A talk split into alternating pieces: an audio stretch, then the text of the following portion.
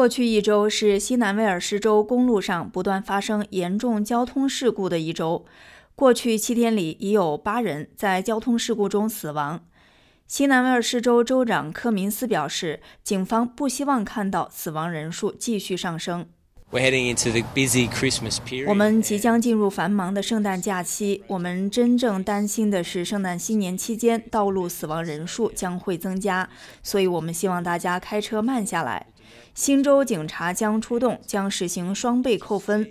如果你超速或违反道路规则，最好的情况是你被吊销驾照；最糟糕的情况是你断送了自己的生命，或夺走了亲人或你以前从未见过的人的生命。维多利亚州的致命交通事故也出现了大幅度上升。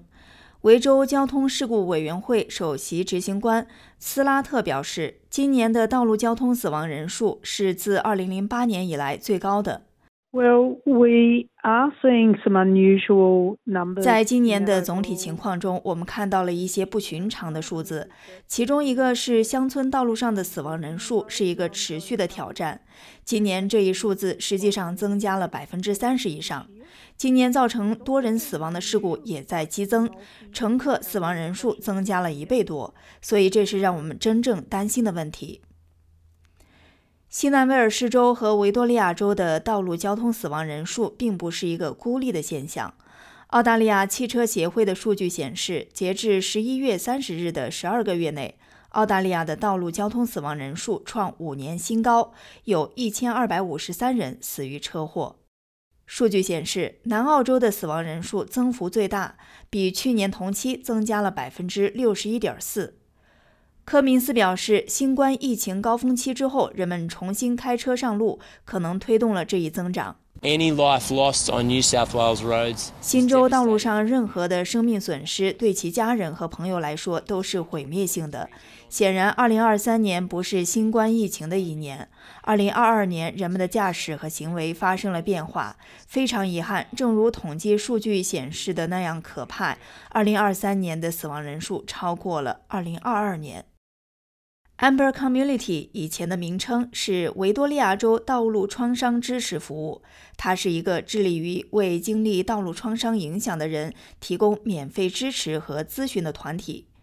Amber Community 的首席执行官纽金特表示，道路创伤和致命事故并不总是由高风险驾驶行为造成的。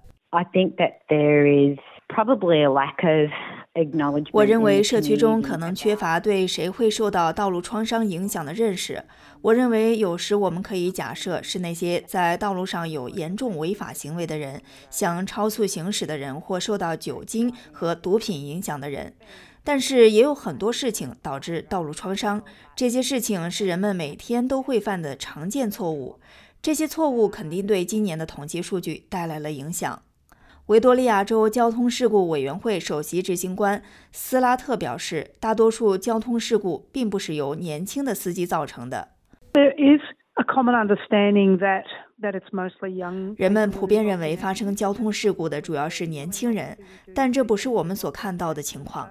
我的意思是，显然我们确实看到年轻人发生交通事故，但七十岁以上的人发生的交通事故跟更年轻的司机，或者是两个年龄段之间的司机一样多。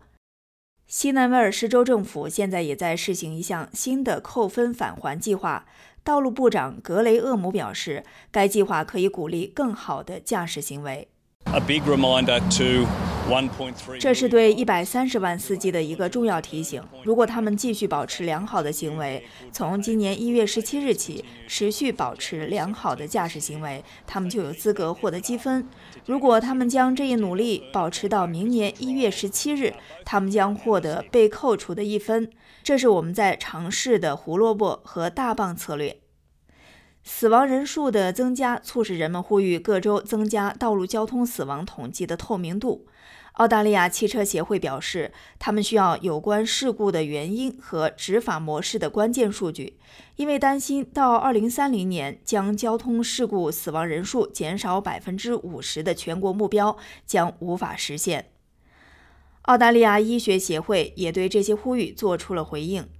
澳大利亚医学协会表示，维多利亚州的数据显示，因电动滑板车相关事件而住院的人数有所增加，但由于缺乏来自其他州的信息，他们不知道这一趋势是否会影响到其他的州。尽管如此，Amber Community 的首席执行官纽金特表示，无论谁或什么原因导致了道路交通死亡人数的增加，事故造成的破坏和创伤是普遍存在的。他说：“社区中的每个人都有责任保证彼此的安全。”